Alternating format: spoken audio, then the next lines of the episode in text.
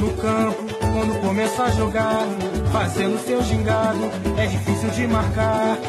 Fita pra ali, fita pra lá, fita pra cá, com a bola nos pés, ninguém consegue. Ele sabe fintar. Fita pra ali, fita pra lá, fita pra cá, com a bola nos pés, ninguém consegue lhe roubar.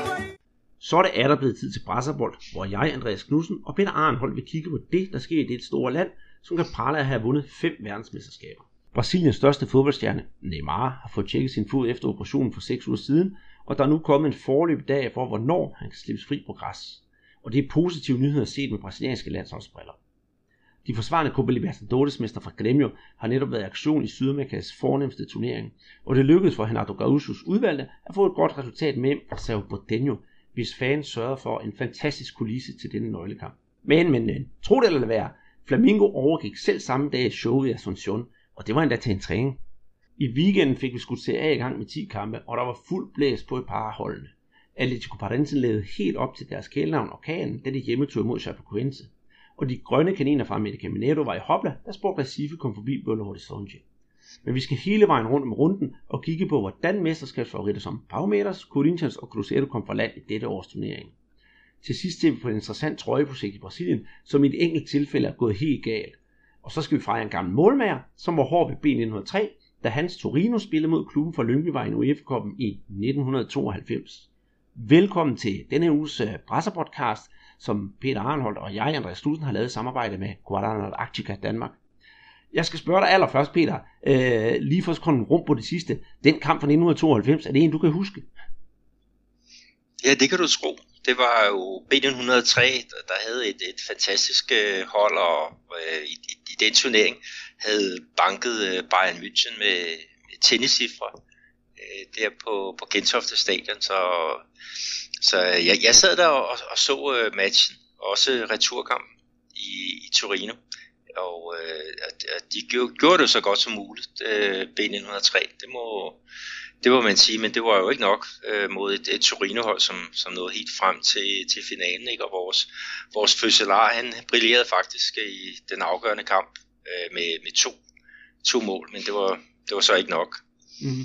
Men øh, det kommer vi jo ind på senere, og hvis vi så rykker frem til år 2018, nu er den brasilianske liga jo netop som sagt for alvor skudt i gang, og det har jo simpelthen været en fornøjelse at skulle følge med i den her, her i weekenden. Og inden vi sådan lige går i gang med hele vores øh, program, Peter, så skal jeg spørge dig, som jeg plejer. Du må jo have haft en rigtig, rigtig god fodboldweekend. Du var vist ude at se to kampe live. Ja, det var jeg. Øh, lørdag, der var jeg på Mineirão, og så se Cruzeiro tage imod Grêmio, ikke? og det er jo to af de mesterskabsfavoritter, som, som vi har hernede. Og, og søndagen, så var jeg jo så ude til brunchbold, øh, fodbold kl. 11, og det var så øh, America Mineiro, som tog imod Sport Recife. Og det blev jo også en, en fantastisk underholdende finale. Ikke? Og det gode ved brunchbold, øh, det er jo, så kan du nå at, at så se en, en kamp på, på tv klokken 4, ikke? og det, det nåede jeg så også, og det var så øh, Vasco da Gama mod øh, øh, Atletico Mineiro. Ikke? Så jeg har jo faktisk set alle de tre lokale hold her i løbet af weekenden i, ja, i, i hver 90 minutter. Så det har været, det har været strålende. Altså, jeg kunne ikke have ønsket mig en, en bedre start øh, på, på den her øh, turnering. Og øh, jeg ved også, du har set rigtig meget frem til, at, at vi nu skulle gå i gang med, med kampen i serien, Andreas. Øh, så så hvad, hvad fik du kigget på af, af, af kampe? Jamen, jeg fik jo kigget på det, vi kommer ind mod, skulle være en, en, skandalekamp, synes jeg. Øh, mit hold selvfølgelig Flamingo. Og så har jeg faktisk også fået, fået set lidt af de andre rivehold, nemlig uh, Fluminense, der, der, der mødte Corinthians. Det var de to sådan rigtig store kampe, jeg har fået set. Så der skete i hvert fald også en masse ting. Men der ud over det, så har jeg sådan lavet lidt, uh, lidt lobbyarbejde for os selv. Det kan man roligt sige. For ja, det er jo ikke nogen hemmelighed, at uh, jeg har fået fat på ingen ringer end Cesar Santin, den tidligere FCK-angriber. Og øh, han vil enormt gerne snakke med os, og det skal jeg altså gøre her, øh, vi optager onsdag aften, og det skal jeg gøre torsdag aften. Så jeg har fået nogle spørgsmål ude fra Twitter, og vi har selv fundet nogle spørgsmål frem, så jeg glæder mig helt vildt meget til at snakke med, med Cesar Santin, som jo har ja, banket det ene mål ind i kassen efter det andet for, for FC København, så det skal nok blive rigtig, rigtig godt. Det håber jeg i hvert fald. Og jeg håber, at I derude vil øh, sprede budskabet, om man holder med FCK eller ej, så synes jeg, det er meget interessant at snakke med de der tidligere brasilianske spillere, som, eller tidligere spillere, som har spillet i Danmark, og få den sludder med dem, og få at vide, hvordan det har været det med det kulturelle, og ja, i det hele taget. Så det, det bliver en stor ting i morgen. Ja, og det skal foregå på portugisisk, fortæller du mig. Ja, det skal det. Jeg, lagde, jeg prøvede at lægge op til, til Cæsar og sige, at han kunne få lov til at bestemme sproget. Jeg ved jo ikke, hvor god han er til dansk eller svensk, for den sags skyld han har også spillet et par sæsoner i Malmø. Så han skrev venligt tilbage men det synes jeg, vi skal gøre på portugisisk, så jeg skal i gang med at lege Jørgen Klevin igen og se, om jeg kan få lavet en, en god dubbing. Ja, nu, nu siger du uh, Malmø, men det var jo kaldt mig FF. Ja, undskyld, ja. Det, ja, ja den svipsede lige der, men altså, hvor alting er, han har jo både spillet i Sverige og i, i Danmark. Men ja, det, det bliver rigtig godt, så jeg håber også, det kommer til at kaste nogle lytter af sig i hvert fald. Ja, det bliver spændende. Jeg glæder mig i hvert fald til at høre det, og, og ja, den du, du lavede med Rachel da Silva, den tidligere brøndby det var i hvert fald øh, høj, høj klasse.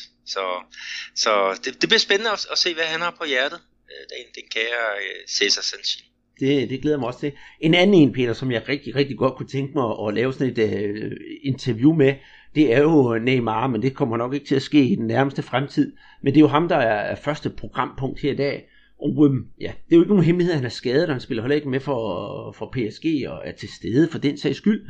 Men han har jo vist sig her i, øh, i går, var det til øh, et pressemøde, var det i São Paulo, så vidt jeg husker, hvor han kommer gående op og iført den der klassiske, hvad skal man kalde det, sådan operationssko, man har på, når, når foden ned skal støttes op og krykker, hvor han så blev interviewet til, til Brasiliens TV.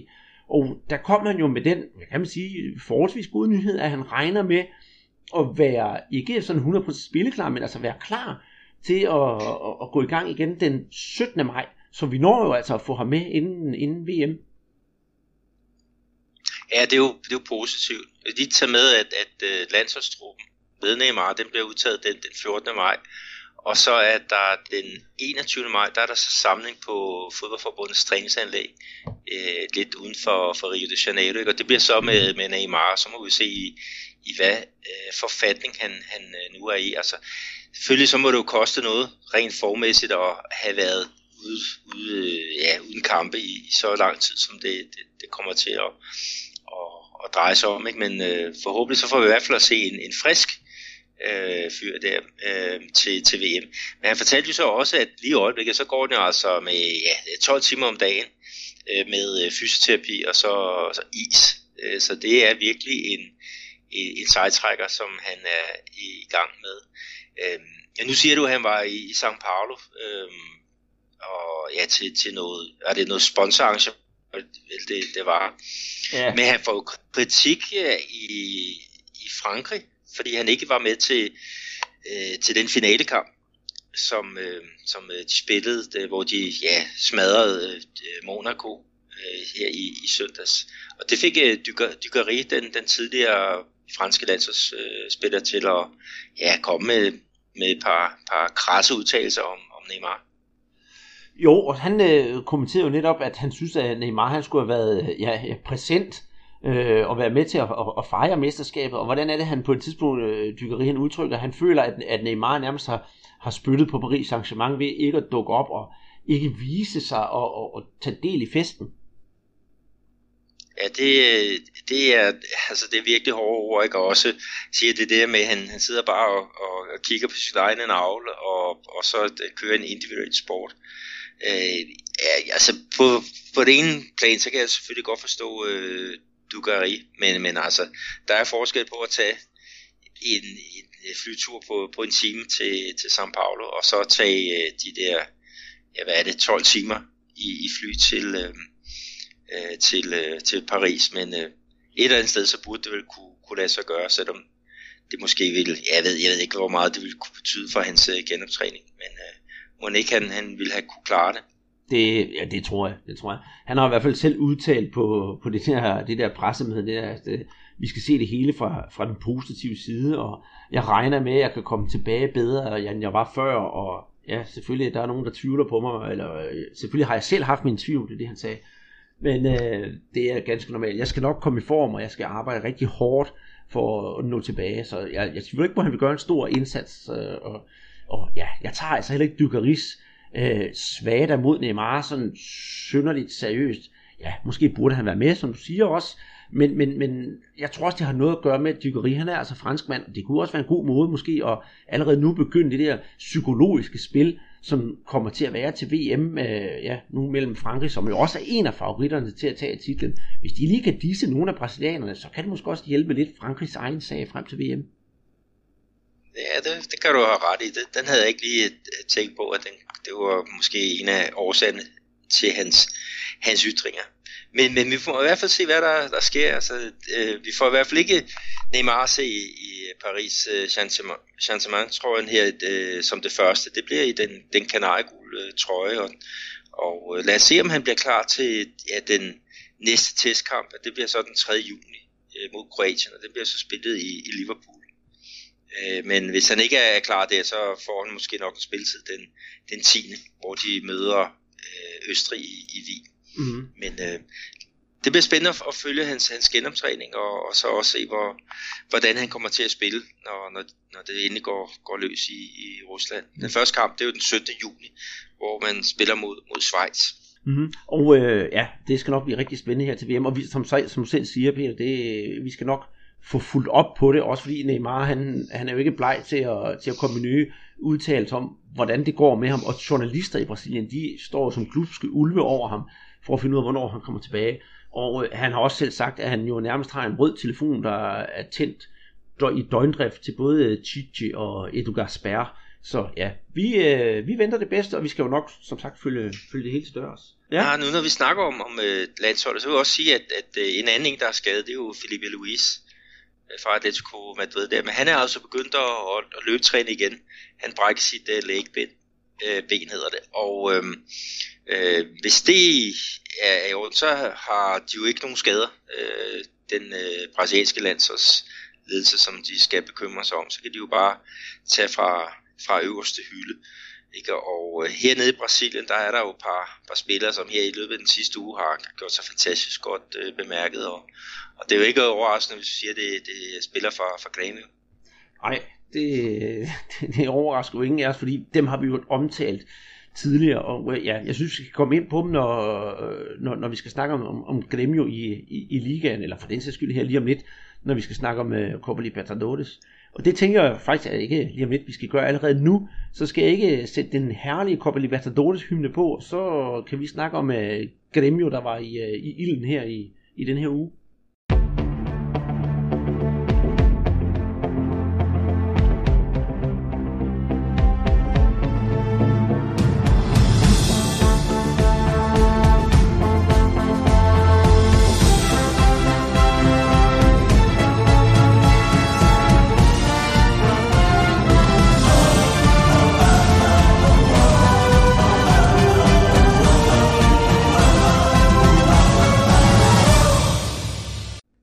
Det var jo så øh, hymnen til Copa Bridgestone Libertadores. Og ja, der er nok mange, der vil synes, at den til Champions League, den er, øh, den er bedre, men jeg synes nu, at den her, den har sin, sin charme, og jeg bliver glad hver gang, jeg hører den. Men det er nok også, fordi jeg holder så meget Copa Libertadores, at, øh, at man ikke kan lade være med at blive i, i godt humør. Men øhm, i går, der spillede øh, Gremio mod Cerro Porteño, og øh, det var jo en, en 0-0'er, Peter. Ja, ja, trods alt. Altså nu har Gremio spillet tre kampe, de har to uafgjorte og en sejr hvor godt, skråstreg skidt, var den 0-0-kamp på udebane? Jeg synes, det var et øh, okay resultat. Øhm, de må selvfølgelig ærge sig over, at, at øh, Everton, som, som virkelig er flyvende øh, for tiden, han ikke fik straffespark i, i første halvleg. Øh, og så i anden halvleg, så har de et, et forsøg ved Pedro Jeromel, uh, som, som tager stolpen og ryger i spil igen. Ikke? Så, så de havde de største chancer i, i den her match. Øh, Øh, men hjemmeholdet, de var jo altså farlige på, på langskud, men der stod øh, Marcelo Groy, han stod altså en, en, øh, en fin kamp og, og ja, udstrålede noget, noget, noget sikkerhed. Øh, men, men i forhold til, til det med, med 0-0, altså de, de skal jo øh, til Asunción, og så spiller de på det, som det er kaldt lidenskabens øh, katedral, ikke? og der var fuldt hus, 45.000 øh, tilskuere. Og så alligevel, så, så spiller Grêmio en, en, en kamp, som om det Øh, at de har styr på det. Altså, de virker ikke, som om de føler sig presset. Der er ikke nogen, der, der taber hovedet øh, under, undervejs. Øh, så jeg synes et eller andet sted, at den her kamp, den, øh, det var et, et, øh, et okay resultat, ikke? Og, og nu skal de så spille mod hinanden på Gremius hjemmebane her om, øh, at det er den 1. maj, mener jeg, at øh, det er, ikke? Og, og et eller andet sted, så kan de jo glæde sig over, at, at, at det var Seo Bottini's første pointtab, ikke? Som, som, Grammy Gremio øh, tilføjede dem her i, i går. Og så også andre positive ting, Andreas, det var jo, at Jeromel, øh, han blev så kåret til kampens bedste spiller, og han, han var igen super god i det, i det centrale forsvar. Og så Artur, som øh, Barcelona har den der, den der kæmpe øh, forkøbsklausul på. Ikke? Han er jo også tilbage efter sin skade, ikke? og, og øh, han viser altså også en, en form, som måske, måske godt kan, kan, kan få ham med til en, en VM-slutrunde her om, om små øh, to måneder. Altså, ja, jeg er sikker på, at Titi og hans, hans følge, de, øh, de kigger meget på, på Arthur. Og jeg, jeg synes, at for hver dag, der går, der, der, der er han tættere og tættere på den der 23-mands øh, tro. Så, så alt i alt, så synes jeg, at det var, det var positivt nok. Mm, og det er jo øh, god forlængelse, den snak vi havde før med Neymar, når du siger, at der var nogen, der banker på, og det er netop Gremio. Øh, altså Artur, Jeromeo, Luang for den sags skyld, de, altså, de, de er bare gode. Længere kan man ikke, øh, mere kan man ikke sige om det, og de, de bliver ved med at banke på ind til land, så det er bare et spørgsmål om tid, hvornår, hvornår de bliver faste mænd. Det tror jeg i hvert fald. Det kan godt være, at vi lige skal overstå det her ja, VM, men så, så tror jeg på... Vi skal lige tage med, at Luang, han er, han er så skadet for tiden. Han var ikke med i uh, Asunción. Nej, men nu snakker lige, nu, nu nævner vi de her, der var med i Asunción, og så tænker jeg også Luang, det var sådan en generel øh, snak, Peter. Okay. Så siger, det var ikke længe før de banker på på landsholdsdøren for alvor. Og hvis I ikke er lige inde i varmen nu her til VM, så tør jeg ved med, at det kommer de altså bagefter. Ja, det, det er, er, er, er fint nok. Jeg, jeg tror nok også på grund af Alan, der Jerome det er nok sidste chance, hvorimod de andre to har noget, noget fremtid i sig. Øh, men øh, jeg, jeg tror faktisk på, at vi får Jerome med til, til VM, og Arthur kunne også øh, godt komme, komme med, men det skulle så være på det yderste mandat. Men hvor man tænker er, det uafgjorte resultat til, til, øh, til Gremio, det betyder, at de er på andenpladsen i gruppe A. Foran dem er der jo så rivalerne der fra i går, Cerro Porteño, de har 7 point, Gremio har 5 point, og så Defensor Sport har 4 point, og Monagas med 0 point. Så ja, alt i alt, så tror jeg også, at Gremio netop skal være tilfredse, at det var, øh, kan man sige, duksen i gruppen, de, øh, de tog point imod, og det er jo også Cerro Porteño og Gremio, vi på forhånd havde regnet med, at skulle videre fra gruppen. Ja, det, øh, det er vores, øh, ja, det er vores øh, favoritter. Men, men Andreas, altså, der er jo øh, flere kampe med brasilianske hold her i støbeskeen, ikke? Og, øh, og øh, det med de mange tilskuere i Asunción, 45.000, det var, det var flot, men, men den kan du toppe.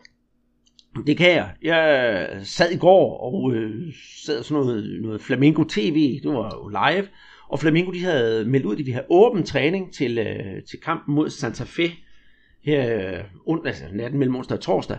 Og øh, det eneste, man skulle for at komme ind og se den åbne træning til, til Flamingo, det var at have et øh, kilo fødevarer med. Det var så bønner, tørmælk eller andet. Det må ikke være friske varer.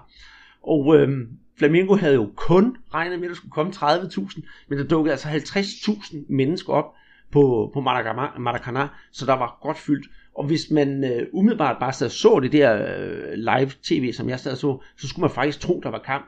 Og da Flamingo, så spillerne kom ind på banen for at træne, der brød, øh, der brød fanden altså løs i, i laksekæde. Fyrværkeri og alt, hvad der kunne spille af musik, det blev spillet, og da så Flamingos hymne den blev spillet, så sang 50.000 mennesker Flamingos hymne i kor. Og jeg må altså sige, jeg sad så på fjernsynet, jeg fik sådan helt ud. Det var fuldstændig vildt, øh, hvad der var med.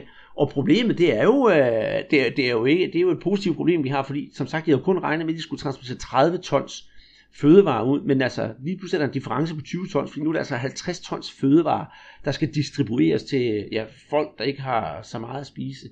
En fantastisk ramme, en fantastisk scene, og det kan jo kun være opmuntrende over for, for Flamingo-spillere. Og bagefter, der var der både på Twitter og på Flamingos hjemmeside kun rosen over til alle de fans, der mødte op. Og der var sådan en rigtig flot, øh, ja, det der klassiske fodboldbillede, hvor fodboldspillerne de sidder i deres position, men det var så taget med baggrunden af de der festlige fans med deres flag og det hele, og kæmpe tak, og alle var dybt berørte, og så Julius Sasser, målmanden, som har været inde som kan man sige, reservekeeper her i starten af året, han øh, var jo dybt berørt, og han, han er jo nogle gange let til tårer, det var han sørger også efter i går. Og Everton, øh, en af Flamingos unge spillere, som lige er blevet solgt, han sagde også, at det var noget af den bedste afsked, han overhovedet kunne få fra klubben. Så alt i alt, jamen altså virkelig et øh, godt tiltag for, fra Flamingos side, det synes jeg helt bestemt, og særdeles underholdende. Du må faktisk ikke rigtig spørge mig, hvordan træningen gik, for det sad jeg egentlig ikke og kiggede på. Jeg sad bare og kiggede på, på tilskuerne.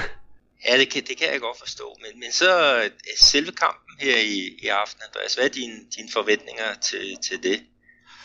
Ja, altså hvis, øh, hvis det alt skulle have været normalt, så ville der jo nok have været fyldt Maracanã, men det er der jo desværre ikke, efter det tilskuerballade, der havde været mod øh, Independente, i, det, i Independente kampen sidste år. Så det er altså for tomme tribuner, det her skal spilles. Det bliver nok lidt kedeligt at se på, og det er jo nok også derfor, at Flamengo havde lavet det der i går, for ligesom at give tilskuerne et eller andet, de kunne glæde sig til.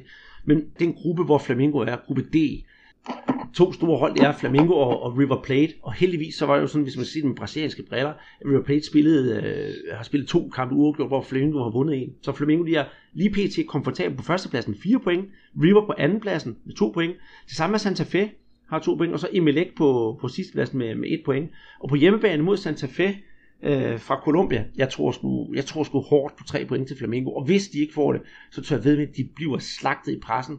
For de sidste par gange, hvor Flamengo har spillet Copa Libertadores, har de faktisk haft større problemer på hjemmebane, end de har haft på udebane. Og nu i år skal det altså være, at øh, hjemmebanesuccesen kommer. Så det ikke ender som, som sidste år, man ryger ud i gruppespillet på grund af ja, tåbelige uafgjorte hjemmebanekampe. Nå, det er jo sådan lidt underligt, at de stadig ikke har fundet deres, deres øh, rigtige træner. De kører stadig på en, på en midlertidig løsning, efter at de, de fyrede øh, øh den, den siddende træner øh, Capigliani øh, her for, ja, det er en, tre uger siden efterhånden. Det er rigtigt, og jeg har øh, prøvet sådan at høre lidt på, på vandrørene, men der kommer altså ikke rigtig noget ud. Det er, den, det er den lidt evindelige snak, som jeg også sagde sidste uge, at jamen, de er i gang med at undersøge markedet, men der er ikke noget, der, der, noget af det rigtige på markedet, og jeg tænker, det er da underligt, for der er jo masser af trænere i Brasilien, og den klassiske trænerkarusel med de samme trænere, der, der bliver fyret og ansat, så det burde ikke være noget problem. Til gengæld, så synes jeg faktisk, at øh, Flamingo skulle tænke helt ud af boksen, og så se, om de kunne finde en træner med mere europæisk tilgang til fodbolden, som kunne løfte holdet op. For jeg synes også, at, at trænerkarusellen på godt og ondt, den, er, den gør, at trænerne de bliver kan man sige, malket for, for energi og, og, nyt, og, og nytænkning. Vi ser jo som sagt kun Chichi, som har kunne tænke nyt. Øh, og et andet godt eksempel, det er jo øh, den tidligere Real Madrid-træner øh, Luxemburgo. Jeg har intet imod ham som træner. Han er en rigtig, rigtig dygtig mand, men han har bare ikke haft noget nyt på tapetet de sidste 10-15 år for at være lidt grov. Så og det, det synes jeg det øh, kendetegner mange af, af trænerne i Brasilien, at det er det samme, de stiller op med, og det bliver det fornemt og gennemskueligt. Og det gavner faktisk ikke den brasilianske fodbold. Jeg ved ikke, om du er enig med mig i det, Peter? Jo, det, det er, er jeg enig i på, på mange områder. Øh, men jeg håber i hvert fald, at, øh, at Flamengo de, de finder en ordentlig løsning. Altså vi, vi har jo så set, der er kommet et par stykker frem her, som, som er rimelig nye. Øh, Cardelli i Corinthians blandt andet er jo en, som, som, øh, som virkelig har taget alle øh, med storm. Øh, øh, og og om, om øh, Flamengo de har en i egne rækker, ja, det, det er jo måske også en, øh, en mulighed. Men, men vi må, må se til tiden an, ikke? og så håbe, at, at, øh, at de kommer, kommer videre øh, fra, fra, fra gruppefasen, fordi det, det fortjener en, en klub som, øh, som Flamengo. Men, men Andreas, der er jo flere kampe. Øh, ja, her i aften, der er der så den, øh, du snakker om der. Men torsdag, der er der jo ja, det er en del øh, brasilianske hold, der skal i, i, i kamp. Øh, Vasco, øh, der gamle, de skal en tur til, til Argentina, hvor de skal møde Racing, som øh, har jo blandt andet stortalentet Lautaro Martinez i deres øh, truppe, ikke? og han scorede tre mål øh, mod øh, Cruzeiro da de spillede mod hinanden i den første runde af, af gruppespillet. Og Cruzeiro, de skal så en tur til, øh, til øh, Santiago, hvor de møder Universidad i Chile. Ikke? Og, det, og det er jo virkelig en, en fantastisk spændende pulje med de øh, store klubber der. Og så har vi jo Corinthians, som øh, i en anden pulje skal ud og spille mod Independiente. Øh, igen en argentinsk modstander. Det er jo den klub, som Jonas Schwartz øh, ja, hans hjerte står så nær til, mm. til den. Og det... Så der er jo, der er jo fuld, øh, fuld smæk på. Mm. Og så må vi sige, hvad med Santos og hvad med Palmeiras? Ja, men de spiller så først i, i næste uge, øh, og der kommer Palmeiras med Felipe Melo, der kommer de jo på en kæmpe opgave, da de skal møde Boca Juniors ude. Ja, det bliver, det bliver en, øh, en dræber, og det er min, øh, ikke ment som værende kedeligt. Tværtimod, det, det bliver kamppøn, Så hvis man endelig skulle sige, at jeg kunne godt tænke mig at se en Copa Libertadores kamp, så vil jeg anbefale, at man ser ja, Boca Juniors Palmeiras, for det, det bliver rigtig stort. Det kan godt være Independente og Corinthians. Den er stor, men det der det er altså endnu større. Ja, det, det, den er værd at ofre en, en nattesøvn på. Men, men Andreas, skal vi gå videre til, øh, til øh, Serie A, som øh, vi jo fik taget hul på her i, i weekenden, men vi skal jo have en lille, en lille øh, drikkepause. Jamen, øh, det skal vi helt bestemt. Og øh, jeg sætter lige en skiller på, og så åbner jeg den her. Og så siger vi øh, skål i en øh, kold Guaraná. Guaraná Antártica. De Maués para as suas mãos. Bora lá. Skål i Guaraná, Andreas. Som sagt er Serie A i Brasilien gået i gang, og det er hele 10 kampe, der er blevet spillet. Og det har jo simpelthen været et, øh, jeg kan elske at bruge bonanza i det her tilfælde, i den her sammenhæng. Og det har det også været, det har været fodboldbonanza, for der, man kunne vælge at vrage mellem ja, gode kampe og mindre gode kampe, men i hele taget en herlig oplevelse, vi er kommet i gang med det her, Peter. Og jeg synes, vi skal ligge ud med, med, med en ordentlig gang øh, mål på, på dagsordenen, nemlig en kamp, der havde hele seks af slagsen. Og det var jo øh, orkanen Atletico Paranaense mod øh, Chapecoense. 5-1 vandt Atletico Paranaense. Og øh, alle målene faldt faktisk i anden halvleg. Så det så hele første halvleg ud til, om der sker måske ikke rigtig noget, men lige pludselig, så var det som om, at, at Atletico Paranaense de fik knækket filmen hos Chapecoense, og så lukkede de altså bare øh, mål ind.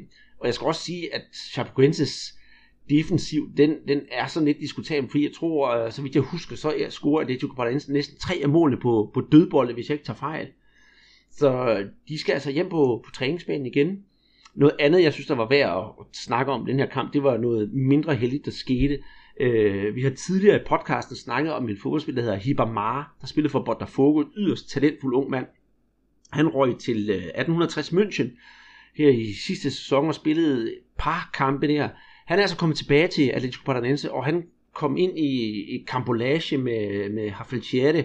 Ikke noget infight eller noget som helst, det er bare kamp om bold, og øh, Hibamar, han kommer til at sætte tænderne i skalpen på Rafael og det koster altså Hibamar to tænder, og Rafael han får altså seks sting i hovedet, så det var ikke nogen særlig behagelig oplevelse for, for nogen af dem. De fortsatte begge to med at spille, dog fik øh, Rafael en badehætte på. Ja, det var, det var voldsomt, men, øh, men øh, jeg håber, at han kan få, få sat nogle gode stifter i, så han kan, kan spille videre øh, i Barmar.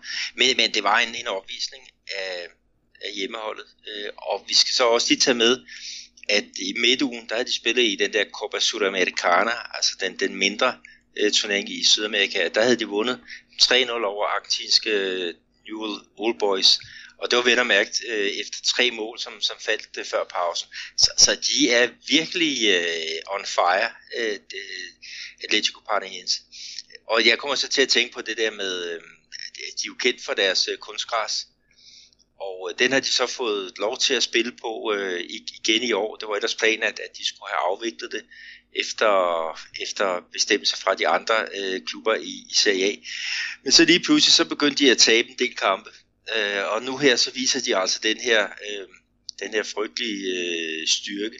Så øh, jeg undrer mig lidt på, om de andre klubber de ikke snart går sammen igen og så siger, at I må jo altså ikke spille på, på det der kunstunderlag. Øh, men, men de spiller godt, de spiller hurtigt, og de laver en, en, en masse mål. Øh, øh deres venstre bak, Thiago Carletto, øh, han har altså et venstre ben, som, som siger spar to, ikke? og han, han lægger op til, til hvert fald et af målene, og så banker han et mål ind tæt på, på frispark.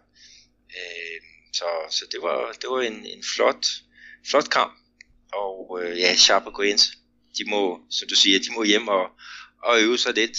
Øh, det, var, det var en, en, jeg var klasseforskel det, den her kamp. det må man sige. Og øh, så en af målscorerne, det er også deres øh, talentfulde angriber, Nick Kaun. Ham kan man altså godt holde et, øh, et vågent øje med, ikke fordi jeg tror, han skal sælges til Europa eller noget som helst, men han er sådan en, en rigtig god arbejdsangriber, der bare leverer og leverer og leverer, og også kan være underholdende at se på. Bestemt en, en, en type, der er værd at holde øje med. Ja, og Nick Kong, altså han spillede i, i America Mineiro her for, for at det to eller tre år siden, og der var han ikke noget, noget specielt, altså det var sådan en publikum hånede faktisk, øh, men, men øh, han har virkelig fået, fået hul igennem hos øh, Atletico, øh, så ja, han bliver helt sikkert øh, spændende at, at følge. Mm.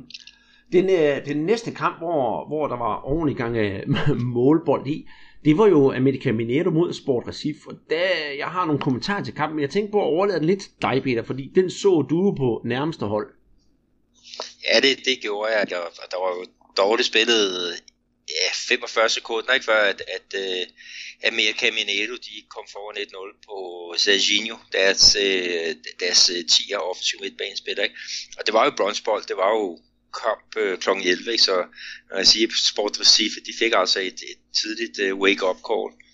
Men, men øh, de responderede ikke øh, særlig godt. Altså, øh, Carlinhos, han, øh, øh, bragte sit hold på, på 2-0 efter noget, noget forvirring i de bagerste rækker, ikke? og så Serginho, han scorer øh, hvad hedder det, kort før pausen, så, så 3-0 ved, ved halvleg, og så anden halvleg, det blev sådan set bare en, en transportstrækning, men, men Amerika, de rykkede op øh, sidste år, øh, efter et år i, i Serie B, ikke? Så, så de fik jo sådan set et drømmestart på deres kampe i, i Serie B, mm. der er slået i Serie A. Mm. Og øh, selvom jeg øh, egentlig har, jeg, jeg har altid haft sådan en sympatisk øje Sport Recif, så synes jeg, at de blev udstillet rigtig, rigtig meget i den her kamp, især i deres defensiv. For eksempel målet til, øh, til 3-0. Øh, øh den måde, Serginho op på midten af banen, han løber på tværs, så, så ligesom om, at, at forsvaret er nede i Sport Recife, de ved ikke, om de skal zoneopdække eller mandsopdække ham. Så de står sådan lidt som, som sådan nogle ja, øh, øh kaniner, der ikke rigtig ved, hvor de skal gå hen. Og det splitter altså det her forsvar fuldstændig altså fra hinanden, så han bare nærmest får frit løb ned til mål. Jeg er helt enig, altså Sport Recife, de, de får det svært i år. Altså, de har solgt deres profiler. Uh, André og Ritzilé, deres, deres midtbane, uh, Dynamo, han er også væk, og, og da de spillede regionalmesterskabet var her i starten af året, ikke? Der, der nåede de ikke engang til, til finalen, hvad, hvad de ellers altid plejer at, at gøre. Så, så der må være nogle røde lamper, der, der er tændt i, klubben fra, fra Recife. Det, det er der helt bestemt. Og så synes jeg stadigvæk, at de skal til at holde op med at spille i de der frygtelige grimme trøjer, der, altså guldtrøjer. De er så frygteligt grimme. Få nu den klassiske røde-sorte farve på, i stedet for det der, det der guld for at fejre den der sejr 1986. Jeg ved ikke, om det er derfor, men det er så frygteligt grimt. Jeg ved ikke, om du er enig. Åh, den er ikke så, så lækker. men øh, det, det, det er deres, altså den er speciel, vil jeg, vil jeg ellers sige. Det er en, man, man kan huske, det er en, man kan, kan lægge mærke til. Og det er jo nogle gange vigtigere for, for trøjesponsoren, end, end, øh, end, end, øh, hvad skal vi sige, om, om det ser pænt ud eller ej. Mm. Nå, men øh, når vi snakker om, om klubber, der spiller i, i rødsort, så bringer de jo også sådan videre til, til næste kamp, hvor vi rent faktisk finder to klubber, der næsten spiller identiske trøjer nemlig øh, Vittoria, der er hjemme i, i Bahia, tog mod øh, Flamengo. Og øh, ja, for at gøre det øh, kort med resultatet, det blev 2-2 og, og, og pointdeling. Ikke så mange det der det, og det var meget retfærdigt, eller ikke retfærdigt vil jeg ikke sige, men det var fortjent nok. Så jeg, selvom jeg er Flamengo-fan, sidder jeg altså ikke sur over det, det enkelte point. Men det, jeg er rasende over, Peter, det er, at jeg havde jo glædet mig til, at vi skulle have en eller anden sæsonpremiere med lidt fest i fodbold.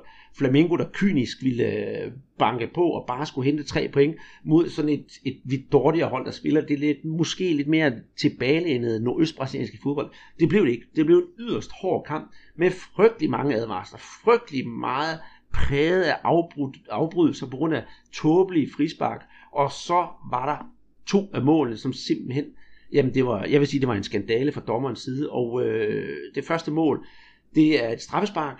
Øh, der bliver dømt straffespark, fordi der er en, der, der skyder bolden ind på en øh, flamingoforsvar, som står inde på linjen, og øh, sådan lidt, øh, det gør man jo for at forsvare sig selv, så tager man sådan hænderne op mod hovedet, så han står med hæver, står med begge hænder, øh, ud med hver side af hovedet, og bliver ramt i hovedet, så han rører sig overhovedet ikke bolden med hænderne. Men dommeren vælger, altså at dømme, dømme straffespark, og det var jo stor skænderi om det. Og øh, det giver så mål til Vittoria. Og så senere hen i kampen, der får Flamingo tilkendt i frispark sådan uden for feltet, og bolden bliver skudt ind i feltet, og der står fire mand offside. Fuldstændig klokkeklart offside. Øh, jeg sad og så kampen, og siger, hvor herren var om linjevogteren faktisk havde siddet og drukket af, af natpotten. Og det er jo hverken været gået værre eller bedre øh, efter kampen. Dels på grund af de der dårlige, øh, dårlige dommerkendelser, og at dommeren faktisk ikke kunne styre kampen. Han havde slet ikke kampen under kontrol. At dommeren og linjevogteren, de er altså kommet med under observation, og jeg mener, Peter, du må ikke hænge mig op på det, men jeg mener faktisk, at de har fået tre spilledags karantæne for den måde, de dømte kampen på, at det simpelthen ikke var godt nok. Og mit spørgsmål, det er jo så, hvornår skal vi have VAR i brasiliansk fodbold? Fordi VAR, det havde altså fået den her kamp til at være helt anderledes, måske ikke spillet så hårdt, og så samtidig var den jo nok 1-1 i stedet for 2-2. Ja, det, jeg havde også et eller andet sted håbet på, at, at de havde indført VAR her i, i år, men uh, sådan skulle det jo ikke blive. Øhm, og det, det er der mange årsager til, altså også noget med, med økonomi, øh, som fodboldforbundet, de, de ikke mener, at de har til, til det, selvom om deres konti buner af, af dollars og reais, og jeg skal komme efter dig. Men, men her, der var det i hvert fald måske den der straffesparkskendelse, som, som blev den, den mest, øh, ja, øh, det man snakker om. Fordi ikke alene så fik de jo straffespark, øh, det, men, de, men øh, Flamengo fik også øh, vist en mand ud. Øh, jeg mener faktisk, at det, det var Everton Ribeiro, der, der måtte øh, ud for øh, med direkte rødt kort. Ja. Men, men øh, det, det, der, det er klart, det sætter sin, øh, sit præg på, på kampen, ikke? og det, det pokker sig ærgerligt. Og, øh, men men øh, desværre så er det jo det er jo ikke let at være, være dommer, og, og jeg skal love for, at hernede i Brasilien, ikke, der, der, der hakker man altså også på, på dommerne hele tiden. Hvis der er en kendelse eller noget, så er der altså fem, øh, fem spillere fra det ene hold, der er henne og, og, og diskuterer med dommeren, og, og der er, som er også fem spillere fra det andet hold, øh, altså, øh, som, som blander sig. Og jeg, jeg håber et eller andet sted, at man kan få, få bukt med det, fordi der, er, der går alt for meget tid med, med det der palaver. Jamen det, så, det, det, så hvis vi kan få renset ud i det, så, så vil jeg være, være super glad. Og så får vi nok for, forlænget vores øh, effektive spilletid med, med, med nogle vigtige minutter. Mm. Det, det er rigtigt, og det, jeg skal lige rette mig selv, for, for jeg kom jo til at sige noget forkert. Det var ikke Hæver, der stod og, og, og blev påstået til med hænder. Det var netop Everton Ribeiro, og det var også derfor, han fik, øh, fik det røde kort. Men det, det, det, jeg giver helt ret, Peter. Altså, der skal være mere respekt om dommeren, men når vi lige i den her kamp der har jeg altså ikke ret meget respekt for dommeren. Han var ikke særlig god. Og det der med, at han ikke kunne styre spillerne med alle de kort og alle de afbrydelser, der var i stedet for at ligge en hård kontant linje til at starte med. Noget andet, der også er et problem, når vi snakker om dommerne, det er jo netop også, at når der bliver øh, tv-kommentatorerne, de, øh, der er jo en dommer tilknyttet til alle kommentatorkampene. Så så hver gang der er den mindste kendelse, så skal der sidde en dommer og kommentere, er det okay, er det ikke okay, og tage stilling til det. Og ja, i den sammenhæng, der har været nogle diskussioner om, om spillere, når de holder sig for munden, når de snakker til hinanden. Jamen i Brasilien, det er ikke meget anderledes end, end mange andre syd, sydeuropæiske og sydamerikanske lande, at øh, hvis man kan mundaflæse, hvad de forskellige spillere siger, så bliver der jo tolket på kryds og tværs, og det bliver, alt, det bliver, jeg vil sige, de bliver altid brugt imod dem, og sjældent til deres fordel.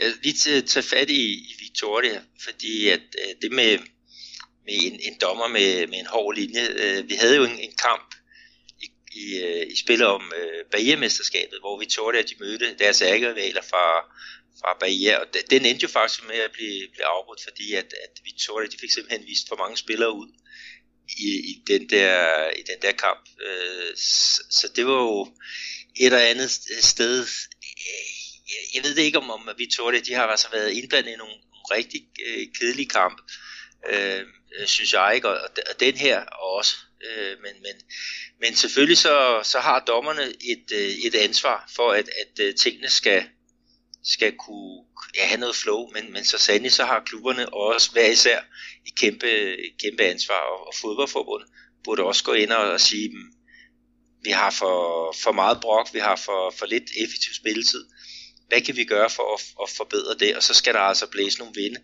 i de der øh, klubber, således at når, der, når de laver det med at omringe dommerne, jamen, så skal der jo bare stikkes nogle gule kort ud. Der også må vi have politiet på, på banen øh, noget hurtigere for at få, få, få bragt øh, spillet til, til fortsættelse.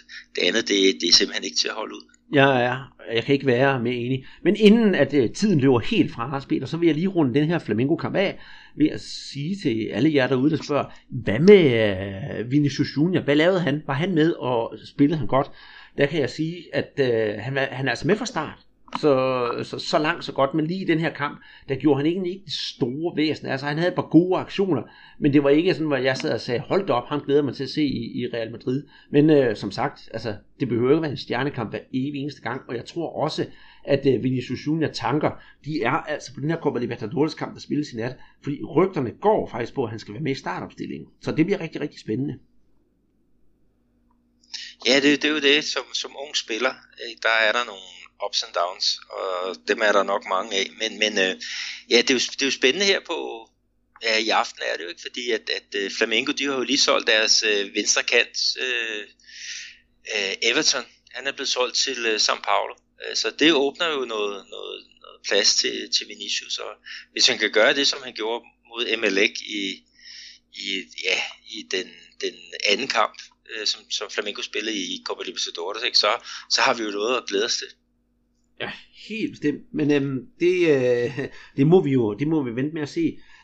Næste levende billede i, i, i Serie A, det er jo et glædeligt gensyn til øh, holdet fra det sydlige Brasilien, nemlig Internacional, som ja, for første gang nogensinde har, har været ude af ligaen og spillet en, et år nede i den næstbedste række. Øh, de er altså tilbage på rette spor endda, og øhm, ja, 2-0 over øh, Bahia, som jo spillede de her nye trøjer, det kommer vi ind på senere. Øh, ja, sikker hjemmesejr, og som jeg skriver i mine noter, Indre er tilbage, hvor de hører hjemme. Øh, Nico Lopez, en indskiftet mand endda, han øh, sørger for begge mål i øh, åbent spil, og det var jo rigtig, rigtig dejligt at se. Og det, jeg synes, der var sådan værd at lægge mærke til i kampen, du, der må du gerne bryde ind, hvis du ikke er enig, det er, at jeg synes, Inter, de var bare mere effektive, og så synes jeg faktisk også, de var generelt sådan 15-20% hurtigere end Bahia. Og det er det, der gør, at de hele tiden får overtaget, og jeg synes, at målet 2-0, det var fremragende. Altså 1-2 spil med et Nilsson, hvor et Nilsson til sidst han lopper den over forsvaret. Ikke sådan klassisk ned langs jorden. Og så bang, ind til, øh, altså ind til målscoren. Det var jo simpelthen fantastisk. Jeg, jeg glæder mig virkelig til at se det. Og så, ja, Lopez, som var med til at score her i den her kamp, og så William Potker, som jeg snakkede om for mange podcasts siden, at han også var brandvarm, og vi kunne ikke forstå, at en, der scorede så mange mål, skulle til Inter. Men nu er han altså tilbage, og jeg forventer rigtig, rigtig meget af det hold. Ja, jeg, jeg håber også, at, at Inter de, de virkelig kan, kan bruge den her, den her medvind, øh, som, som de fik i, i den her kamp. Ikke? Og, ja, det, det er vigtigt, at de har nogle, nogle topscore-typer, ikke? Og, og det har de i deres, deres øh, trup.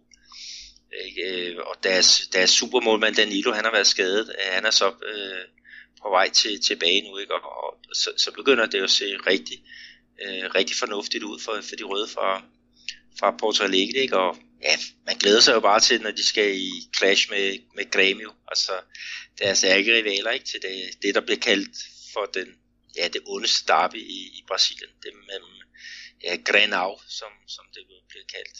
Men øh, det var en fremragende start for, for Inter. Øh, Bahia var måske en lidt billig baggrund, men øh, vi, må, vi må se, hvad, hvad de har i, i ærmet. Det er for hurtigt at dømme mange af klubberne efter, efter bare en runde.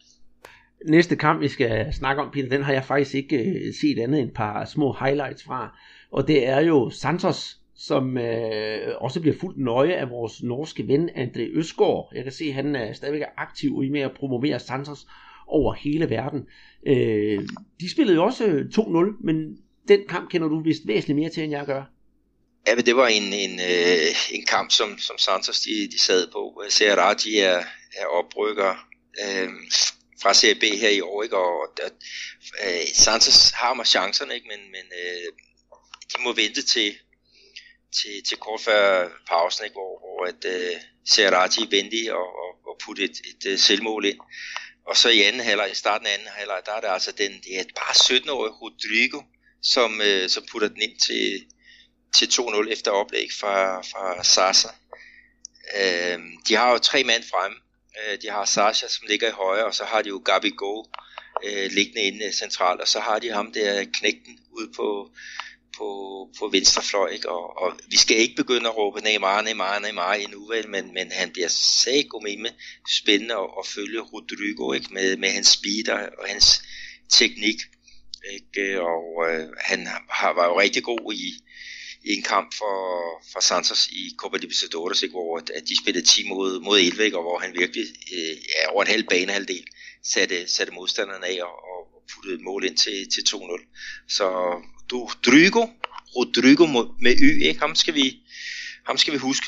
Ja, skriv det ned derude. Skriv det ned, fordi det, øh, hvis man skal være rigtig fodboldhipster, så når nogen spørger, er der noget nyt fra Brasilien, så øh, både du og jeg, Peter, kan roligt sige Rodrigo. Ja, udtalen er vigtig. Helt bestemt. Yes. Men øhm, skal vi kigge på Corinthians Fluminense? Ja, det, det skal vi da. Ja. Øh, fordi det var jo to af de ja, rigtig store traditionsklubber, som, som øh, støttede sammen.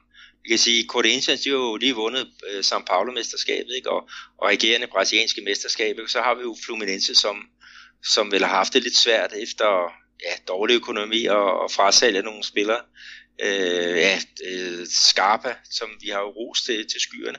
Han er sådan lidt mere, mere i ingenmandsland, fordi han har fået opløse sin kontrakt med, med Fluminense, men øh, så er den ikke blevet opløst alligevel, og det er jo på grund af, af manglende øh, lønudbetaling. Øh, men øh, hvad blev kampen, Andreas?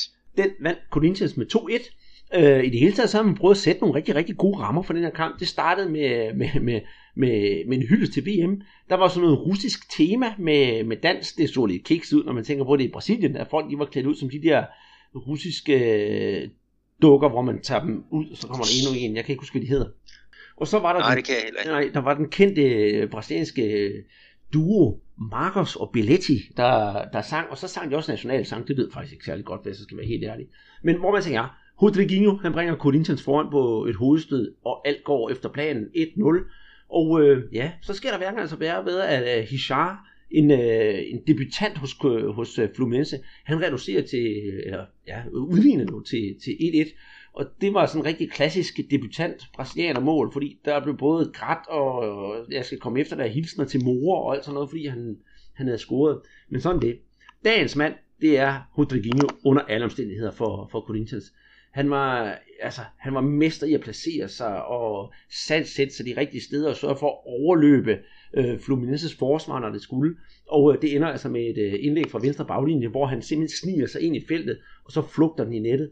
Øh, jeg synes, altså, kampen, underholdningsværdien var ikke så fantastisk. Jeg synes, Corinthians spillede en smule ustruktureret. Til gengæld vil jeg godt give lidt uh, kredit til Fluminense, der kæmpede for sagen. Men Corinthians forsvar, det kunne altså godt stå stærkere, end det egentlig gjorde. Men øh, de fik deres tre point, og det skal de være glade for. Ja, det var en, en vigtig start for, for Corinthians på, på den her uh, turnering. Uh, og, og Rodriguinho, altså i, i landsholds øh, sammenhæng, blandt andet hvor de var i Australien og, og spillede to venskabskampe her for, ja, er det et år siden, vel, øh, og øh, jeg ved ikke om han, han kan blande sig her med, med hans øh, opløb, men, men han, at, han, det er ham, man skal holde øje med øh, for, for til og, og det er ham modstanderne prøver at, at, at, at at, det, skærme ud af, af kampen.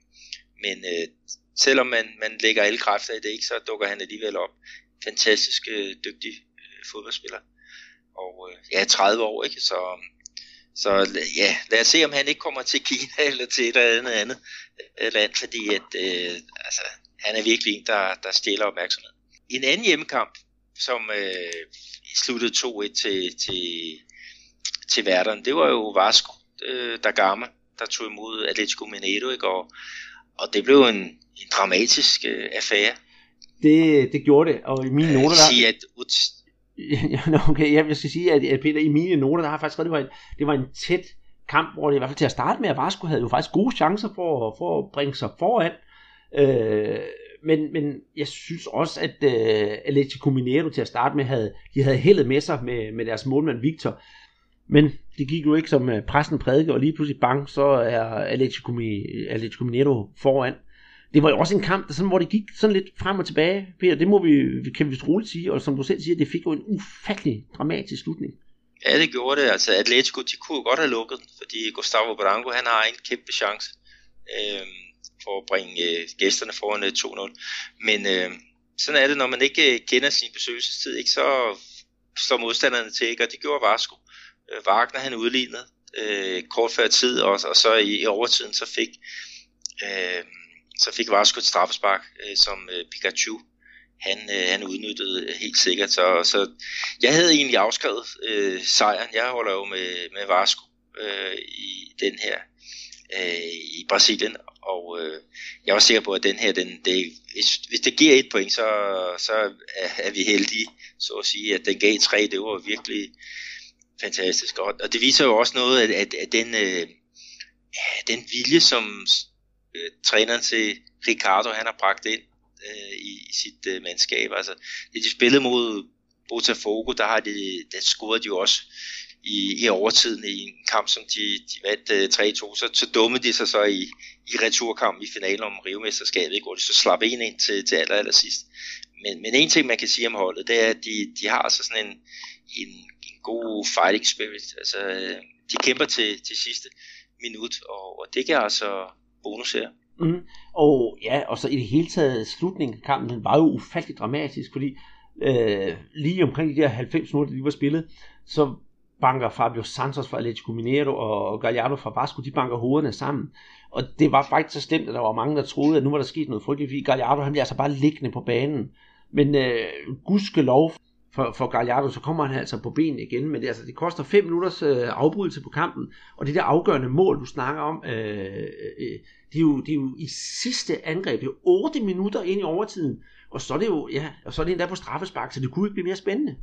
Nej, det var, det var voldsomt, og straffesparket, det var også i den kategori, man siger, det kunne måske godt diskuteres, og, og de var jo rasende, at det kunne Minito øh, spillerne, men, men øh, sådan er det. Altså, jeg synes, der var straffe, og det er ikke fordi, jeg har, har varskobrillerne på. Jeg synes, at, at øh, billederne viser, at der er øh, benkontakt. Så, så det, det, var, det var godt nok dømt af, af, af dommeren. Ja, for en gang skyld. Jeg synes også, der var, der var ikke noget at, at, at diskutere. Øh, skal vi kigge på det næste? Og det er jo det eneste udebane sejr, der har været i den her runde.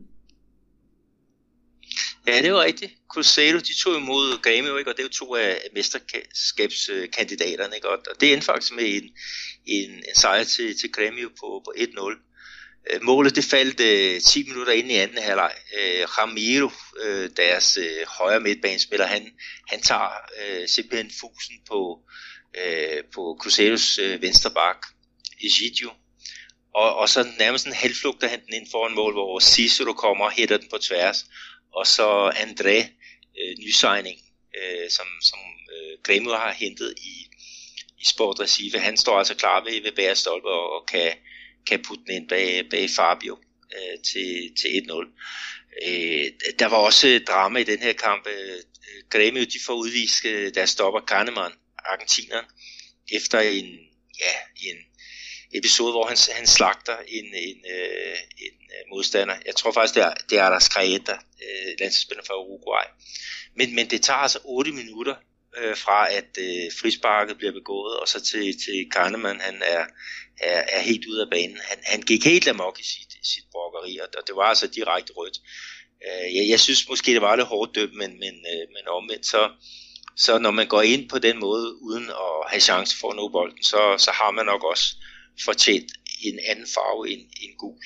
Men, men det var et drama. Øh, der var to udmattede hold, som, som øh, stod tilbage efter, efter de her 90 minutter, ikke? Og, og, og, og hjemmeholdets øh, fans, de, de buede godt af, af Cruzeiros øh, mandskab. Og, og, og det kunne blandt andet det, det ikke forstå øh, stopperne, store stopper, der, der er tilbage efter en skade. Så altså, vi gør alt, alt hvad vi overhovedet kan for at, at, at hente den der sejr. Øh, men det lykkedes ikke, og, og så pifter I øh, efter os. Det er ikke fordi vi ikke vil, øh, men, men der er bare nogle dage, der, altså, hvor det ikke lige svinger, som, som det skal. Ikke? Og, øh, og det var nok sådan en, en dag som, som den her øh, lørdag på, på Minaravn. Men en vigtig, vigtig sejr for, for Græmio, ikke? Og, og altså de, de, de ser stærke ud, altså den måde, som de kørte bolden rundt på, øh, mod et, et rigtig kompetent hold som, som Cruzeiro. Altså det, det lugter af, af en, en topplacering, ikke? Og de var uden øh, Jeromeo øh, i deres centerforsvar, og så igen Arthur på, på midtbanen. Han spillede suverænt godt. Altså, han er boldfast, øh, og han, han pumper simpelthen bolden rundt og, og giver noget, noget, noget, noget, ja, noget flow i, i, i gauchoernes spil. Så, mm. så han bliver sindssygt spændende at følge, for forhåbentlig også måske ved et, ved et VM her om, om et par måneder. Jamen det, det må være dejligt at være gremista for tiden, fordi jeg synes i det hele taget, vi, der går jo nærmest ikke en podcast, uden at vi, vi roser Grimmy og deres, og deres spil. Det, vi kan ikke komme ud om, det er, synes jeg, P, Brasiliens PT bedste hold. Ja, det, det, det, det er jeg i hvert fald enig i. Altså, jeg skal tænke på, hvor de kom rigtig, rigtig dårligt fra start i, i år, ikke? og der blev stillet en masse spørgsmål. Men det var jo også, fordi de havde lagt deres, deres træningsplanlægning anderledes, efter at de spillede VM for klubhold. Så der var flere, der kom senere tilbage fra ferien, end hvad der er ved de andre klubber. Ikke? Men, men nu er de på ret kurs, og øh, ja, fire titler i løbet af, af 16 måneder, det er da, da fint nok, og jeg tror nok også, de skal hente en, en femte titel her meget snart. Det er, da, det er jeg slet ikke i tvivl om, om det bliver den ene eller den anden turnering. Den skal nok komme, så ja, øh, er du glemist, der sidder derude og lytter med, så stol på Peter og jeg. Vi skal nok øh, levere resultaterne til Glem jo. Men Peter, vi er, jo, vi er jo faktisk ikke færdige. Der var jo også øh, to mandagskampe, hvor den ene, det var jo en, en pligtsejr til São Paulo med 1-0 over Paraná. Har du noget at knytte til den kamp? Nej, ikke andet end, øh, de mangler stadig noget flow, øh, San Paolo. Øh, de, de får et, et mål efter en dødbold, stopper en Bruno, som, som, som putter den ind ved, ved bagerste stolpe. Men, men de, de, de har jo nogle spændende spillere, det må man, man sige. Ikke? Militão, som Manchester City har kigget på. Han ligger jo som, de spiller med typisk med tre eller fire nede bagved, og enten spiller han som højre centerforsvar, eller også så ligger han som højre bak. Og, og øh, han, han gør det jo rigtig, rigtig fint uh, defensivt. Til gengæld så offensivt synes jeg, han, han mangler noget.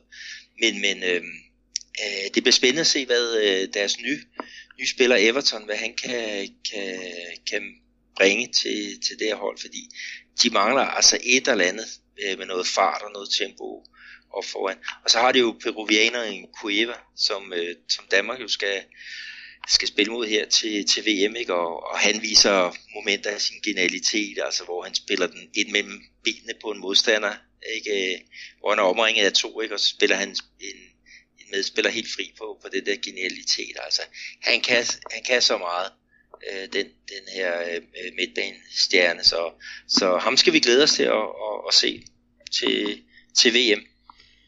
Jamen, øh, jeg skriver ham bag øret, ja, og vi kender ham dernede fra, fra brasiliansk fodbold, men alligevel, hold øje med ham. Øh, den sidste kamp, det står mellem øh, Botafogo fra Rio og Palmeiras fra, fra São Paulo. Og ja, den ender 1-1.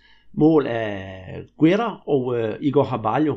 Også som sagt en, en mandagskamp. Var det ikke et meget tilfredsstillende resultat egentlig for, for begge hold? Palmeiras, ja, måske favoritter, men alligevel på udebane, og så Botafogo på hjemmebane. Øh,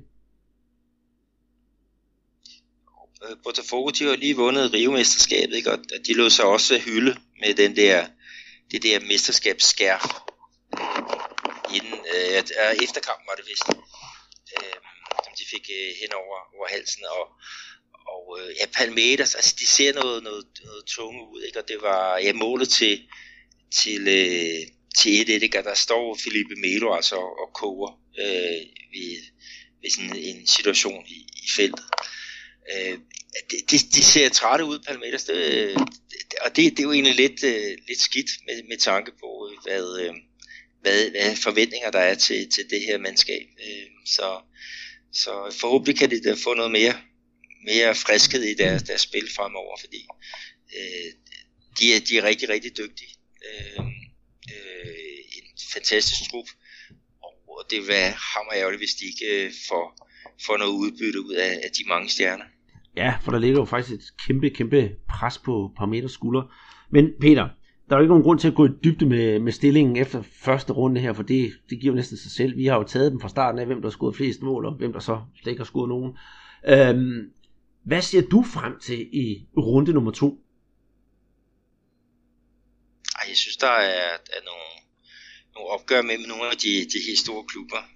Øhm, altså Palmeiras mod International øh, det, det er for mig nok den største lækkerbisk, øh, som, som der er her. Den skal så spilles øh, søndag klokken 4 øh, lokaltid, kan det vil så sige klokken 21 i, i Danmark. Ikke? Og, og der er jo nogle øh, mere sofabold, de, de, øh, de har deres tv-oversigt, og der kan man gå ind og se, hvor man kan se brasiliansk fodbold her i weekenden, fordi jeg mener, jeg mener der bliver vist nogle kampe, men altså sofabold, øh, DK, det, det er der, man, man får de bedste informationer på tværs af, af kanalerne. Men det er i hvert fald øh, min favorit af, af de kommende kampe. Hvad med dig, Andreas? Jo, den øh, ligger bestemt også højt op på listen, men jeg vil altså også gerne stikke et, øh, stikke et lunken øje hen til øh, Fluminense Cruzeiro. Altså Fluminense med deres øh, start på ligaens spil, altså de tabte selvfølgelig, men de spillede jo egentlig en god kamp, og så mod Cruzeiro, og så endda på, på hjemmebane. Det tror jeg nok skal blive en, en underholdende affære. Og så er der jo selvfølgelig Gremio mod øh, Atletico Paranaense i sådan en rigtig syddarby det kunne jeg også godt tænke mig at se, eller det Jeg får nok se under alle omstændigheder. Og så skal jeg selvfølgelig se øh, Flamengo mod America Mineiro. Ikke fordi jeg synes, den kamp er egentlig synderligt interessant, men, som fordi, øh, men fordi jeg er flamengister, så bliver man nødt til at kigge med dem, man, man holder med. Ja, det, det er naturligt nok. Øh, ja, den der Grêmio Atletico Paranaense, altså det er jo også, ja, det bliver spændende at se, når, ja, målmaskinen fra, fra Atletico, ikke? Altså, hvad, hvad kan de mod, mod Grêmio, ikke? Som, ja, som har holdt, holdt nålet her i de sidste, i hvert fald øh, ja, kampe her i, i den sidste uge. Ikke? Øh, det, det, bliver, det bliver forrygende at, at se det. Jeg, jeg glæder mig i hvert fald til, til de her opgør. Det, det gør jeg også. Men øhm, vi skal til at, til at slutte af, Peter, og, og det kommer jo ind på de sidste ting, vi har her i podcasten, nemlig at øh, det, vi har nævnt sådan i, i løbet af den sidste times tid her, det med øh, trøjegate, hvis vi kan kalde den det, og det ligger sådan, at øh, den store øh, trøjesponsor Umbro, øh, som jo sponsorer flere af de brasilianske hold, de har lanceret diverse trøjer for at kan man sige, komme VM i, i fodbold i, i, i møde. Øh, og det har jo skabt en del øh, polemik nede i Brasilien. Der er syv klubber, der er sponsoreret af, af Umbro, og der er nogle af trøjerne, der er faldet i god jord, og der er nogle, der er faldet i knap så god jord. Vi kan altid diskutere, om de er pæne og ikke er pæne, det kommer vi også lige til. Og så er der jo den evige debat om, om det er billig markedsføring, bare for at malke VM og øh, ja, få så mange penge ud af fase som overhovedet muligt. Det er jo også et, øh, et godt spørgsmål. Men øh, jeg synes, vi skal snakke om, om tre af trøjerne af de syv, fordi der er tre af dem, der skiller sig kraftigt ud fra de andre. Vil du nævne, hvad for nogle det er, Peter? Ja, det er Chapecoense, som øh, holder sig i øh, farverne for Colombia. Og så har vi Cruzeiro, som faktisk har en trøje, øh, hvor de ærer Island, altså VM-debutanterne. Og så den tredje, det er jo så Atletico Paranaense, som øh, på deres øh, ja, anden trøje her, der, der hedder de så, så Spanien. Nå, jeg troede det var McDonald's. Nej, spøj til side, og det er jo netop det, at folk har gjort grin med nede i Brasilien, at Atletico Paranaense, som normalt spiller i rød og sort, de lige pludselig har fået en, en trøje, som, ja, som, som sagt skal hylde Spanien, som også er blevet gul og rød. Og der er nemlig nogle sjove øh, mennesker, der på Twitter har lagt et billede op af en, øh, en, den modellen med den der Atletico Paranaense, tror jeg, står i den, og så et billede af Ronald, Ronald McDonald ved siden af, og siger, jamen det er jo absolut det samme. Og jeg skal være ærlig at sige, Peter, den trøje, det var en øh, Mexikos målmand, Jorge Campos, han ville være stolt over for køn, det er den i hvert fald ikke. Nej, jeg er, er helt enig. Og det, det har også fået så meget røg. Altså, Ombro og Atletico Paranaense, de er simpelthen blevet enige om, at, at, øh, den kommer ikke i kamp, og den bliver heller ikke øh, sat til, til salg. Altså, det var ikke lige det, man havde regnet med, da man, man ville lave den her øh, connection. Og jeg er faktisk ikke øh, helt klar over, hvordan hvordan sammenhængen er med, Atletico Paranaense og, og Spanien, men øh, der er sikkert en eller anden. Øh, Chapecoense, de kører jo Colombia-style, og, og det er der jo en, en god grund til. Øh, det var jo i Colombia, at, at øh, Chapecoense mistede ja, et, ja, nærmest hele klubben, der, der faldt ned med, med et øh, med flystyrte på vej til Copa Sudamericana-finalen mod Atletico Nacional. Det var tilbage i, i november øh, 2016. Så den der øh, connection-forbindelse, det, den synes jeg er, er helt fin. Øh, og, øh, og det er faktisk også blevet en rigtig pæn trøje. Og så øh, Cruzeiro, de har jo så øh, lavet en øh, til ære for, for Island, og øh, den bliver jo så er blevet døbt øh, Blå Viking. og det som de siger, det er jo, at, at vikingerne, det er jo et, et krigerisk øh, folkefærd. Og det gælder jo også for, for fansene af, af Crusader. Så, så derigennem, så har de jo så valgt at, at ære den her øh, klub, eller så det her land. Øh, men jeg synes stadigvæk, når man ser på, på trøjen, altså blå viking, blå det er jo, det er jo atlet, altså Crusaders øh, øh, farve, så det er jo fint nok. Men trøjen, den er jo, jeg synes absolut ikke, den er, den er sådan særlig meget blå faktisk. Nej, altså jeg, jeg skal være ærlig, jeg synes ikke, jeg synes ikke øh, trøjen er grim, og den der connection til, til Island, det synes jeg egentlig også er sådan en, en smule malplaceret, og jeg griner også, da jeg så modellen, for de har jo fundet nogle, kan man sige, nogle modeller, når de ser præsenteret trøjen, der passer til, så det de har fundet, det er en, øh, en, en, en, en mand, selvfølgelig har han har mørk skæg godt nok, men han, han, er, han er simpelthen mere bleg end den mest blege dansker, man kan finde, sådan for at repræsentere, til at repræsentere Island, og det er jo ikke særlig typisk for en brasilianer, men hvor man tænker, trøjen, den øh, minder lidt i op øh, fra brystet op efter, der minder den om, om Islands flag, og så er der øh, sydstjernen øh, på, som jo er Crusaders logo, og så nederst er den hvid, og det er det, jeg ikke kan forstå, Peter, for Islands flag, det er domineret af blå, og så kommer rød og hvid, så kan jeg ikke forstå, hvorfor den hvide farve skal være dominerende på trøjen. Men øh, det er jo nok en eller anden smart mand inde ved Umbro, der har tænkt på. Ja, det er det helt sikkert. Øh, men øh, jeg var meget spændt på at se, hvordan det vil blive øh, modtaget. Ikke? Og nu, nu tabte de jo så også den her kamp mod, mod Kremio, altså øh, debutkampen i, i den her øh, outfit. Men, men bagefter så var jeg jo nede forbi den der øh, Crusado shop for at se, hvordan gik det egentlig med, med salget, ikke? Og, og de blev simpelthen revet øh, væk som, øh, ja, som varm øh, skyr, som, som, øh, som jeg har skrevet på vores øh, Facebook-side.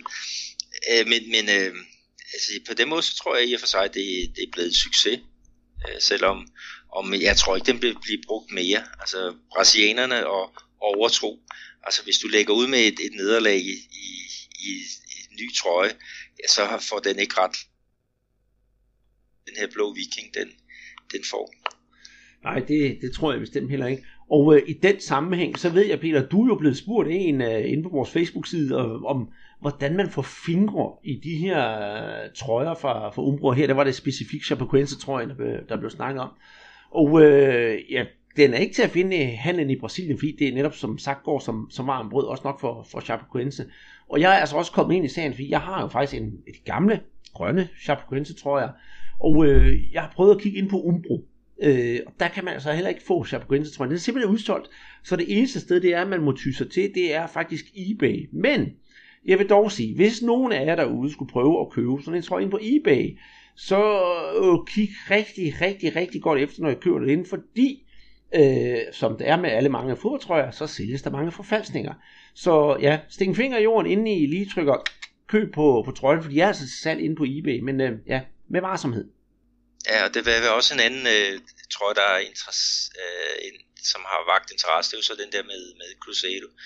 Og øh, der er jeg ved at prøve at finde ud af at, at få sådan en hjem, og sådan at, at den kan komme til, til Danmark, ikke? Og, og ejeren af, af sofabold på, på et eller andet tidspunkt. Så en brasiliansk fodboldtrøje, det kunne jo være en, en rigtig fin øh, fødselsdagsgave, når, når der skal bruges sådan en der. Og hvad, apropos fødselsdag, øh, Andreas, så har vi jo en, som, som vi har fejret på, på, i hvert fald på, på Twitter.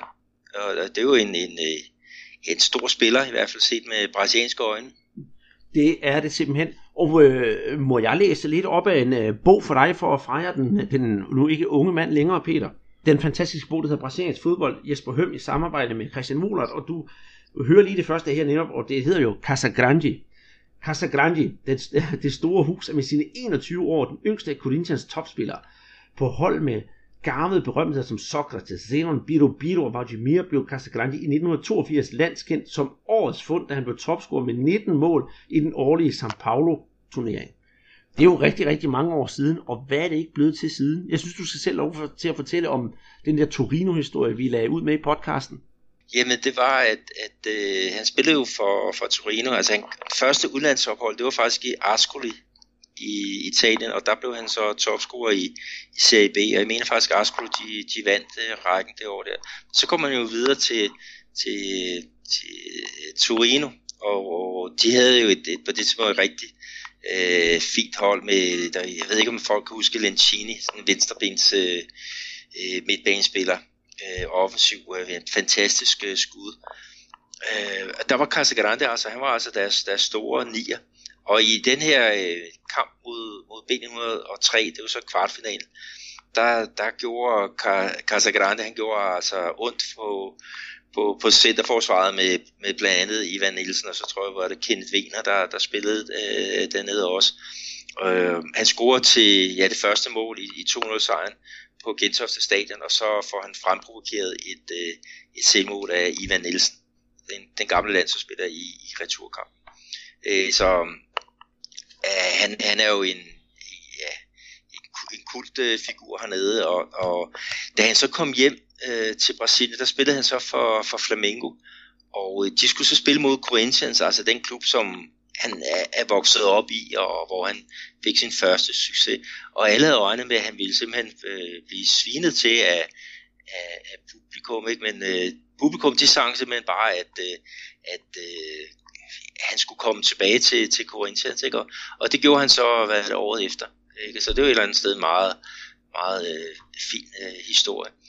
Øh, så efterfølgende så er han jo blevet kommentator på, på Globo, altså når der er øh, typisk de der kampe om søndagen kl. 4, øh, landskampene, der er han også en af, en af eksperterne.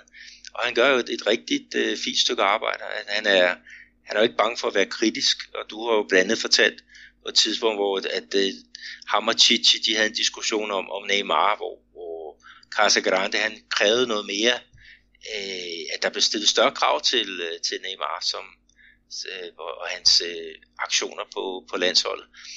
Øh, og øh, ja, altså, en, en, en rigtig dygtig fyr, ikke, som, som desværre har haft nogle problemer med, med helbredet, ikke? og det er jo også fordi, han, han har jo, ja, under de gode år, ikke, så fik han jo en, en dårlig vane. Det gjorde han, og det var, det var både noget til, til halsen og til næsen, så det var jo langt fra, fra godt for ham, og det er jo simpelthen så synd, fordi han, øh, han har simpelthen været besat af, af kan man sige, en masse indre dæmoner, og det har han altså været lige siden han, han startede. Øh, hvis man læser øh, det afsnit, der står i den der bog Brasiliansk fodbold, og der har han været kun 19 dengang, der står der allerede, at, øh, hvor han udtaler, at penge kan kun give problemer, og det gjorde det jo så i, i aller, allerhøjeste grad. Og jeg har læst en, øh, den findes desværre kun på, på brasiliansk, en bog, der hedder Casagrande og hans indre dæmoner. En fremragende selvbiografi, hvor han sådan er hudløst ærlig om de problemer, han har. Og det tror jeg også, det er derfor, at han har fået så meget respekt bagefter, for ja, han får stadigvæk skudt i skoene, ja, men du er bare en gammel, øh, hvad hedder det, øh, narkoman. Men, men han har været åben om sit øh, forhold til narko og spiritus osv. osv. Det gør, at han, han er blevet taget mere alvorligt som fodboldspiller, som kommentator bagefter, netop på grund af ærligheden.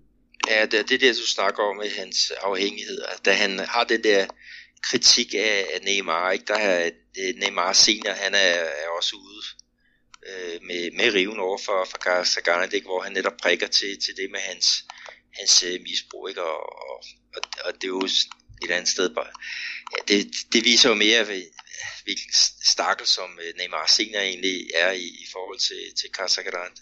Øh, men øh, her for, hvad var det et par uger siden, der måtte han jo forlade øh, øh en, en, øh, en kamp i, i pausen, øh, simpelthen på grund af et, et, et ildebefindende, ikke? og det var jo sådan et, øh, Øh, ja, sådan et, øh, eller begyndelsen til et, et, et hjerteanfald, øh, mener jeg det var, ikke, som, som, som holdt ham ude, ikke? Men, men han, er, han er på vej øh, igen, altså man har fået, fået kontrol over det, og, og jeg håber da, at vi, vi får, får set og hørt rigtig meget øh, til ham, fordi at, at øh, Casagrande, han er en person, der er værd at lytte til. Det er han, og øh, jeg har faktisk endnu mere respekt for ham, fordi han, øh, han er jo opvokset i, i, i Corinthians, og jeg vil kalde ham for, nu lyder det sådan måske lidt, lidt, lidt våge det her, men han er en af, faktisk han ikke er den sidste af, af Sokrates disciple, fordi Sokrates har jo betydet alt for ham i hans, øh, hans fodboldopdragelse, og han har altid set op til, til Sokrates, og han er jo en af de eneste, der sådan rigtig har, øh, som stadigvæk sådan er, er fremme i, i medierne, sådan virkelig har, har spillet sammen med ham og kender ham, og, og kunne lide den måde, for eksempel Sokrates og 82 holdet spillet på, så derfor har jeg stor respekt for, for Casagrande. Ja, jeg er, jeg er helt enig. Og øh, med den her lille hyldest til øh, fødselaren Casagrande, så lukker vi podcast ned for den her gang. Vi håber derude, at I har nyt det, der oprindeligt kun skulle være en time, men nu nok øh, går langt over med os øh, med Brasiliens fodbold over starten på ligaen, og lidt om landsholdet, lidt om øh, Neymar, og så glemte jeg helt pænt, den tager vi måske næste gang, at der rent faktisk også har været hestevedløb med de forskellige klubber i Brasilien. Det er en anden sjov historie, som vi må have til gode i næste uge, fordi jeg skal ind og redigere det her, så vi kan få sendt det ud, og så skal jeg altså gøre mig klar til at snakke med Cesar Santin i morgen. Jeg glæder mig som lille barn, og jeg håber også, I glæder jer ud, som sagt, til en, en god snak med den kommende FCK. Jeg kan ikke love, hvornår det kommer ud, for det der dobbingarbejde, det er faktisk ret krævende, så det kan godt være, at der går en 14 dages tid fra, jeg har snakket med ham, til det kommer, men Hold i og glæd jer derude, og øh, jeg håber, vi lyttes ved igen i næste uge. Mange hilsner herfra, siger Andreas Knudsen og Peter Arnholdt.